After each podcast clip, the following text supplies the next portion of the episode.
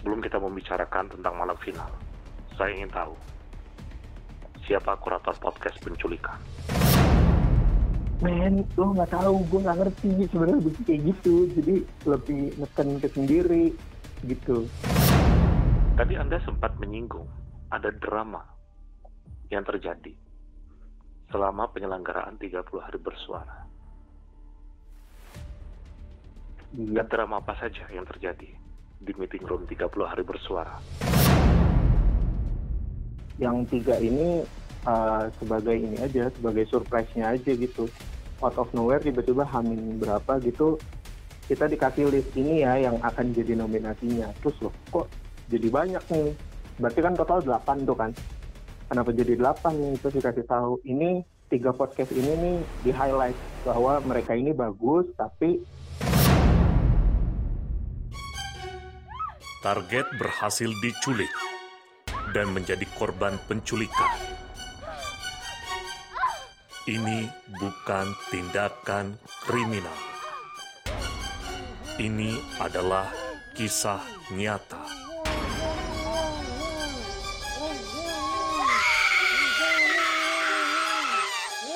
Podcast Penculikan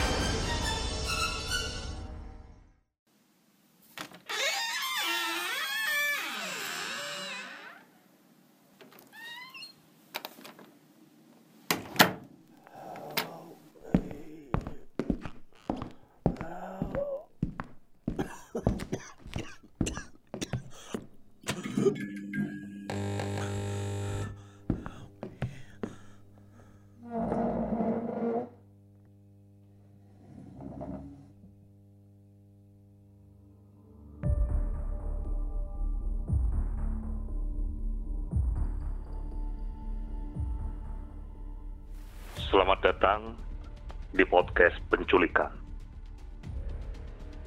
Ini bukan tindakan kriminal. Ini adalah kisah nyata. Para saksi kembali satu target menjadi korban penculikan di hari ini.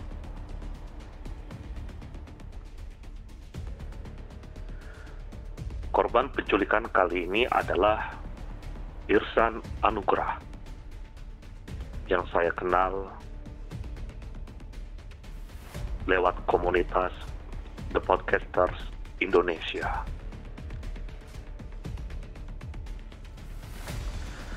Tim podcast penculikan telah melakukan penyelidikan terhadap sang target. Data nama Irsan Anugrah. Apakah benar demikian? ya betul. Anda pernah menjabat sebagai Kepala Suku 30 Hari Bersuara The Podcasters Indonesia. Iya betul.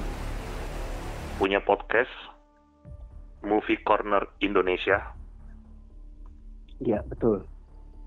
Senang dengan dunia otomotif. Dan Betul. bekerja di salah satu e-commerce.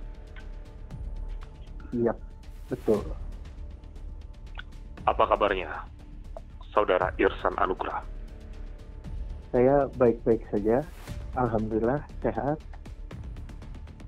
Oke, apakah Anda sudah siap untuk saya interogasi hari ini? Baik, saya siap. Saudara Irsan Anugrah, di bulan November saya sudah mendengar wawancara Anda di Suarane Podcast bersama Baberane Hafid. Waktu itu Anda diundang berdua bersama Saudara Rian Henry melakukan sosialisasi terkait 30 hari bersuara.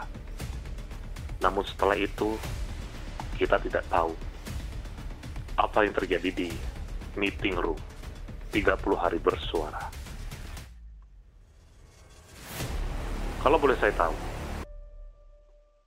ini pembagian job desk dari tim 30 hari bersuara ini seperti apa dan siapa aja yang terlibat di dalamnya? Selain Anda dan saudara Rian Henry yang pernah diwawancarai oleh Baberani. Baik, jadi selain Rian Henry untuk tim utama sebenarnya ada Soli dari podcast Suka-Suka Soli, terus ada Mariana dari Rencana di, di Bumantara, terus yang tergabung lagi ada Ibi dari podcast Kepak Bulu, terus ada lagi Christopher Tahir dari podcast Duit Pintar. Terus ada supporter lainnya dari tim perangkat desa. Uh, ini saya agak takut ya kalau nyebut tim perangkat desa ini agak sensitif. Kenapa? Karena mereka ini orang-orang penting gitu. Kenapa Anda bilang itu sangat sensitif ketika mereka adalah orang-orang penting? Cukup sebutkan nama saja. Baik, jadi uh, untuk perangkat desa yang perwakilan utama pertama dari Baberani selaku kepala sekolah di Podcaster Indonesia. Lalu ada Mas Dipta, terus ada Mr. Popo, ada Mbak Ida, dan sisanya sih saya agak lupa ya. Makanya saya agak takut gitu tadi ngomong. takut ya nggak kesebut nanti sakit hati apa baper gitu. Maaf Anda ya, yang bertanggung jawab. Sebagai Sorry? kepala suku, kenapa Anda mm -hmm. tidak mengetahui nama-nama yang lain? Wah, Dan begitu banget. takut. Perangkat desa banyak banget. Saya saya nggak hafal gitu waktu di ruang chatnya. Dan yang muncul juga biasanya yang barusan saya sebut itu okay. ada empat orang itu. Itu. Lalu apa tugas dari orang-orang yang tergabung dalam tim 30 hari bersuara ini? Untuk tugas kita bagi jadi beberapa tim. Ada tim desain dan sosmed ada tim humas terus dewan juri. Uh, dewan juri kurasi pertama kurasi kedua sampai juri utama kurasi pertama, kurasi kedua sampai dewan juri utama. Mm -hmm. Ini tugasnya seperti apa? Kurasi pertama, kurasi kedua. Karena hanya saya tahu adalah di malam final saja. Nah, mungkin ini yang nggak kayak expose ya. Jadi kan yang kirim, uh, yang isi form pendaftaran waktu itu ada sekitar 200 lebih peserta dan yang lolos untuk menyelesaikan challenge 30 hari bersuara itu ada 80 lebih total podcaster yang menyelesaikan 30 hari bikin episode. Karena waktu itu kondisinya tidak memungkinkan untuk Dewan Juri Utama mengecek satu-satu podcastnya, kita dari awal Desember itu udah bagi tugas untuk uh, enam kurator di dari awal Desember sampai akhir Desember untuk memperhatikan podcast-podcast yang sudah dikirim. Nah, setelah uh,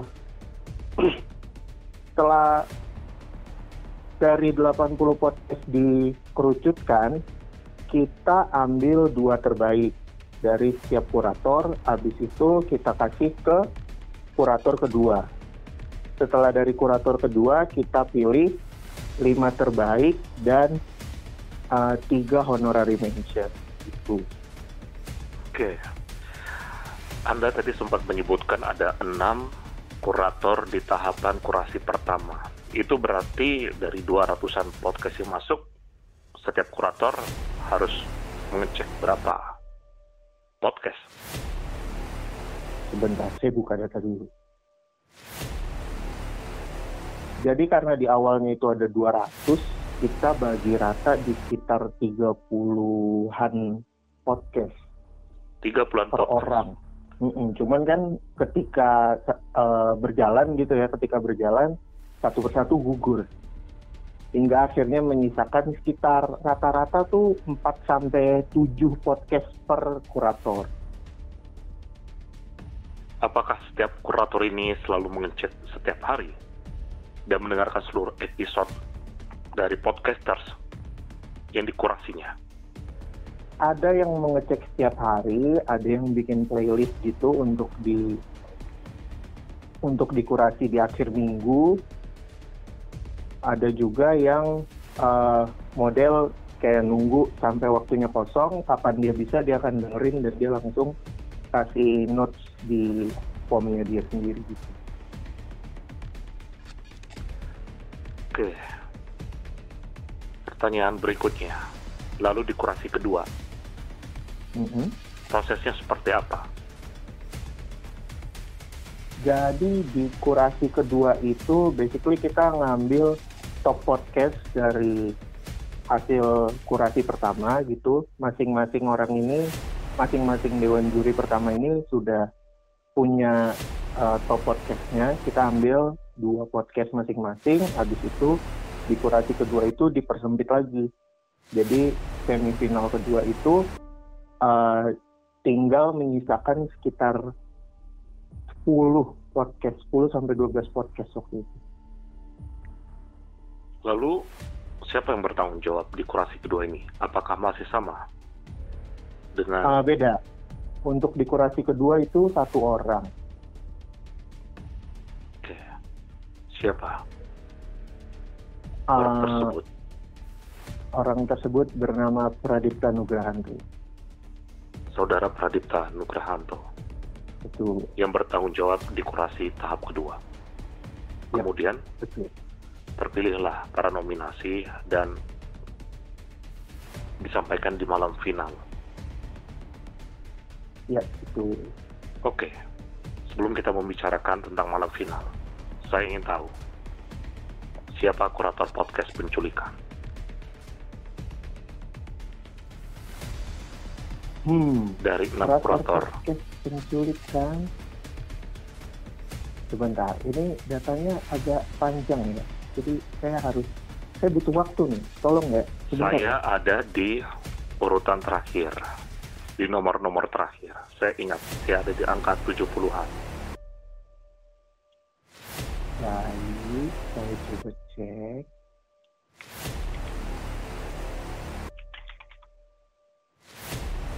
Saya sudah membaca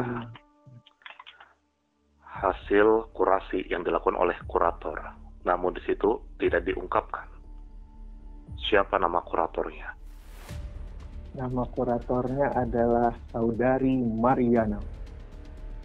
Baiklah, Saudari Mariana. Sudah saya dapatkan namanya. Kenapa nama kurator ini tidak disebutkan? Karena pada saat itu kita berpikir ini akan classified dan selama proses supaya tidak ada penjilat-penjilat yang menghubungi langsung para kurator jadi tetap independen seperti itu. Oke. Kita berlanjut ke malam final. Baik. Di malam final apakah tim 30 hari bersuara sudah tahu terlebih dahulu siapa saja yang masuk nominasi dan juga honorable mention? Kenapa ini tiba-tiba ada kategori honorable mention? Padahal di awal sosialisasi hanya akan dipilih lima nominasi. Terkait honorable mention karena waktu itu kita sempat ada drama ya bahwa ternyata di podcast yang pilihan kelima ini yang nggak bisa disebut nih namanya karena dia nggak nyelesain 30 hari bersuara tapi hasilnya tuh sebenarnya bagus banget. Sayangnya dia nggak sampai full 30 kayak gitu. Jadi secara total skor sebenarnya dia megang cukup tinggi tapi uh, kuratornya waktu itu nggak ngeh untuk take out jadi keangkut ke prelim 2 kayak gitu dan untuk membuat lebih surprise kita tambah tiga honorable mention seperti itu dan itu keputusan dari perangkat desa untuk honorable mention. Ini kategori apa honorable mention? Hmm, sebenarnya dari total prelim dua karena kita pilih lima dan yang satu itu ini kan, yang satu itu kita take out, yang tiga ini uh, sebagai ini aja, sebagai surprise-nya aja gitu. Out of nowhere tiba-tiba hamin berapa gitu, kita dikasih list ini ya yang akan jadi nominasinya. Terus loh, kok jadi banyak nih? Berarti kan total 8 tuh kan.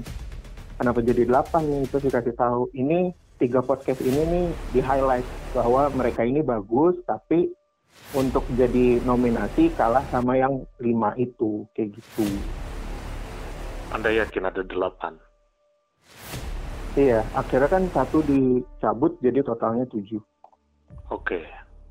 Mm-mm. Tujuh. Karena yang salah satu podcast tidak menyelesaikan 30 hari bersuara. Betul.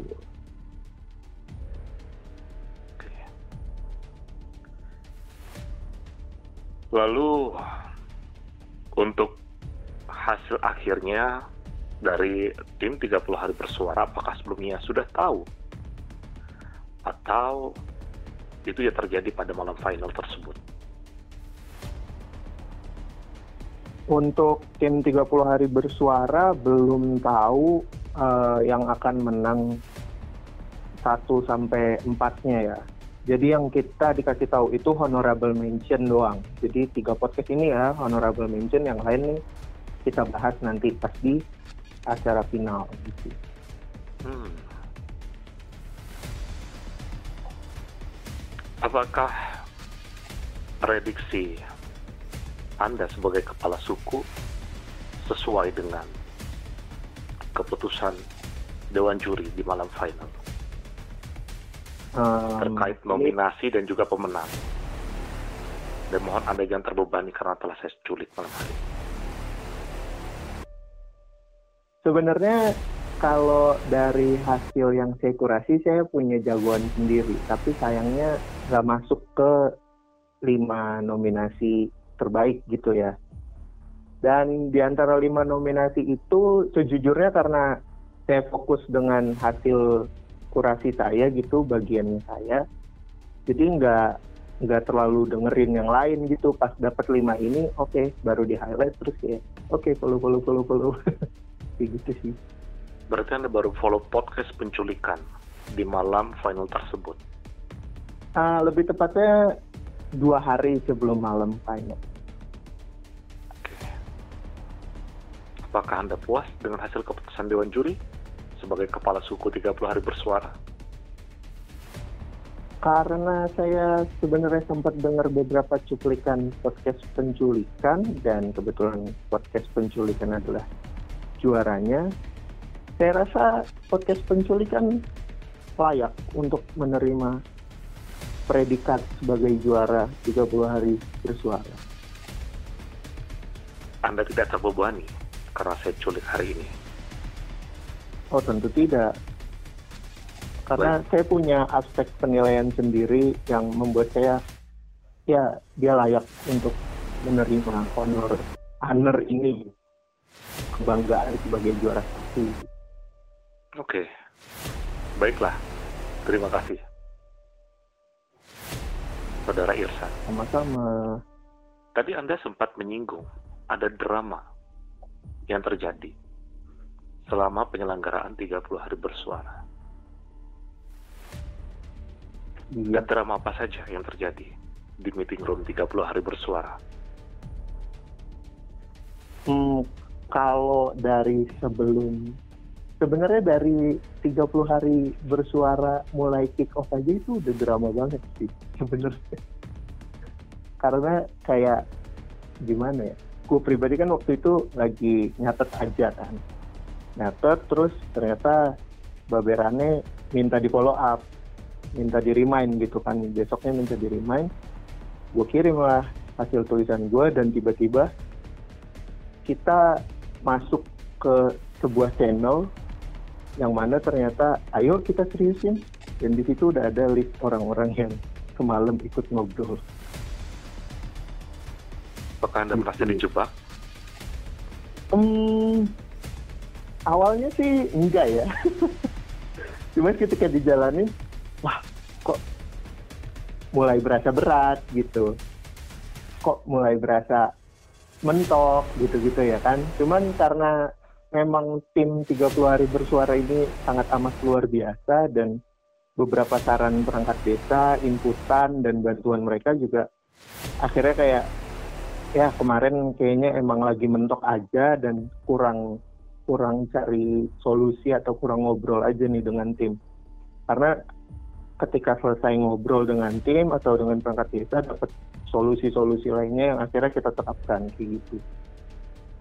Contohnya seperti apa drama yang terjadi dan sempat diberikan solusi oleh perangkat desa? Salah satu contohnya itu uh, gimana merumuskan ininya dulu sih task dan uh, tanggal-tanggal deadline-nya gitu ya kan. Tadinya tuh uh, disaranin pakai aplikasi, cuman gue nggak seteki itu, jadi ya udah gue bikin timetable biasa, terus kayak salah satu perangkat desanya agak ini sih kayak wah sayang banget coba pakai ini nah gue di situ kayak men lo nggak tahu gue nggak ngerti sebenarnya begini kayak gitu. Jadi lebih neken ke sendiri gitu. Itu yang pertama. Terus yang kedua waktu ini kita umumin ekspektasi kita itu nggak nggak nggak banyak ini gitu. Terus tiba-tiba dar meledak lebih dari 50 nah situ tuh. Udah mulai pusing tuh. Udah mulai ini beneran gak sih ini kita harus ngapain nih kalau tembus lebih dari 100 dan ternyata kenyataan gitu ya kan? Nah ketika udah mulai tembus 50 plus itu udah mulai ada obrolan tuh udah mulai gimana trennya kalau udah tembus 100 atau tembus 200 dari situ tuh pembahasan banyak gitu terus sempat juga ada drama pas di akhir-akhir registrasi. Jadi uh, banyak banget orang yang tahu tentang berita 30 hari bersuara ini quote on quote-nya telat. Padahal kita udah ngumumin amin dua minggu dari hari hari episode pertama gitu ya kan. Terus mereka rata-rata minta perpanjang waktu, minta tambahan waktu hingga akhirnya di hari terakhir itu uh, gue langsung kayak ngambil ultimatum bahwa gue menghargai teman-teman yang udah usaha bikin pilot episode dan ngupload sebelum tanggal pendaftaran ditutup. Jadi nggak ada perpanjangan waktu. Gue ultimatum kayak gitu dan akhirnya ya mungkin karena apa ya? Mungkin karena gue udah ngomong kayak gitu mulai menurut lah. akhirnya kita tetap stay on time gitu ya kan bahwa tanggal 30 November ditutup, tanggal 1 udah episode 1 jalan sampai 30 gitu.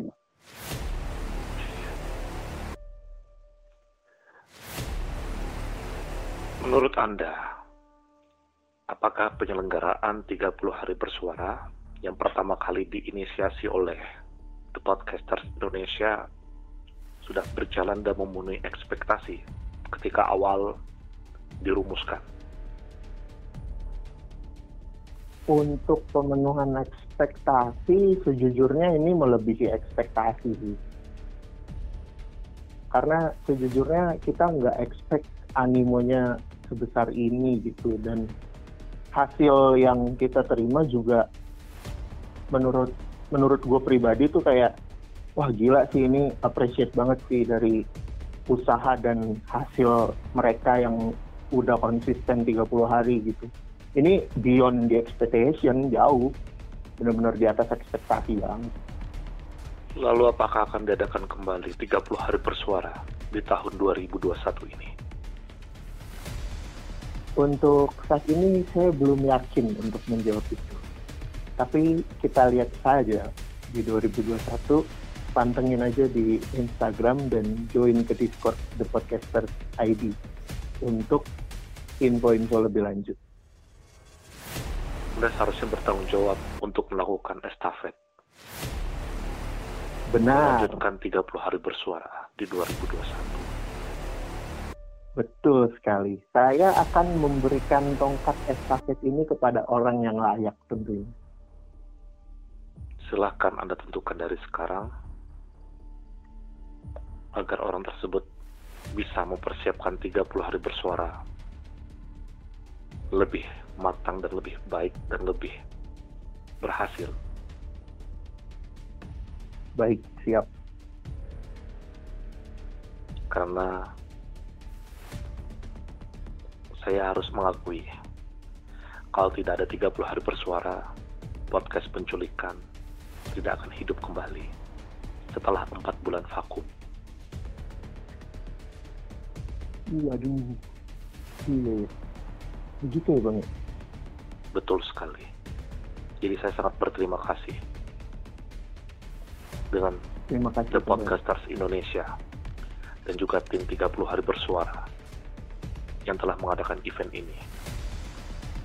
Dan ketika podcast penculikan dinyatakan menang, saya anggap itu adalah bonus. Oke, Terima kasih kembali.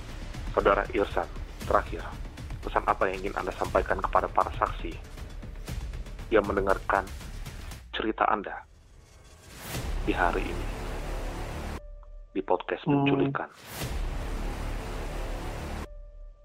Sejujurnya, gue amat sangat berterima kasih kepada khususnya para penyelenggara perangkat desa dan eh, peserta yang udah join 30 hari bersuara itu benar-benar beyond expectation dan gue harap dengan adanya 30 hari bersuara ini bisa jadi tempat atau wadah teman-teman podcaster baru buat berlatih ya. Karena kalau kita nggak melatih kedisiplinan untuk bikin konten podcast, nanti yang ada kita males-malesan dan malah jadinya nggak jadi apa-apa gitu. Terus eh, buat teman-teman yang dengerin, buat yang baru bikin podcast atau yang udah punya podcast tapi stuck begitu-begitu aja, mungkin bisa main-main ke Instagram at the podcasters ID dan join ke grup Discord-nya kayak gitu sih. Terus mungkin terakhir uh, buat yang mau dengerin podcast gue bisa cek Movie Corner Indonesia di Spotify, Google Podcast atau Anchor. Terus bisa DM juga ke @irsan56 untuk Instagramnya. Kalau mau ada request atau pembahasan film yang mau kalian dengerin di podcast gue gitu sih. Thank you buat yang udah ngedukung 30 hari bersuara dan terima kasih podcast penculikan karena telah menculik saya hari ini. Terima kasih, Saudara Irsan Anugrah. Para saksi, demikianlah hasil interogasi saya sebagai pelaku penculikan. Tidak ada hal yang perlu disimpulkan oleh saya. Biarkan Anda sendiri yang menyimpulkannya sebagai saksi kasus penculikan pada hari ini. Hati-hati dan waspada. Siapa tahu Anda korban penculikan berikutnya.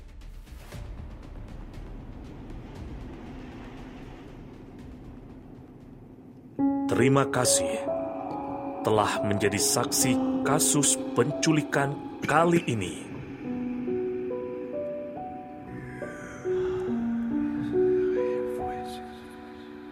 Hati-hati dan waspada. Siapa tahu Anda korban penculikan berikutnya.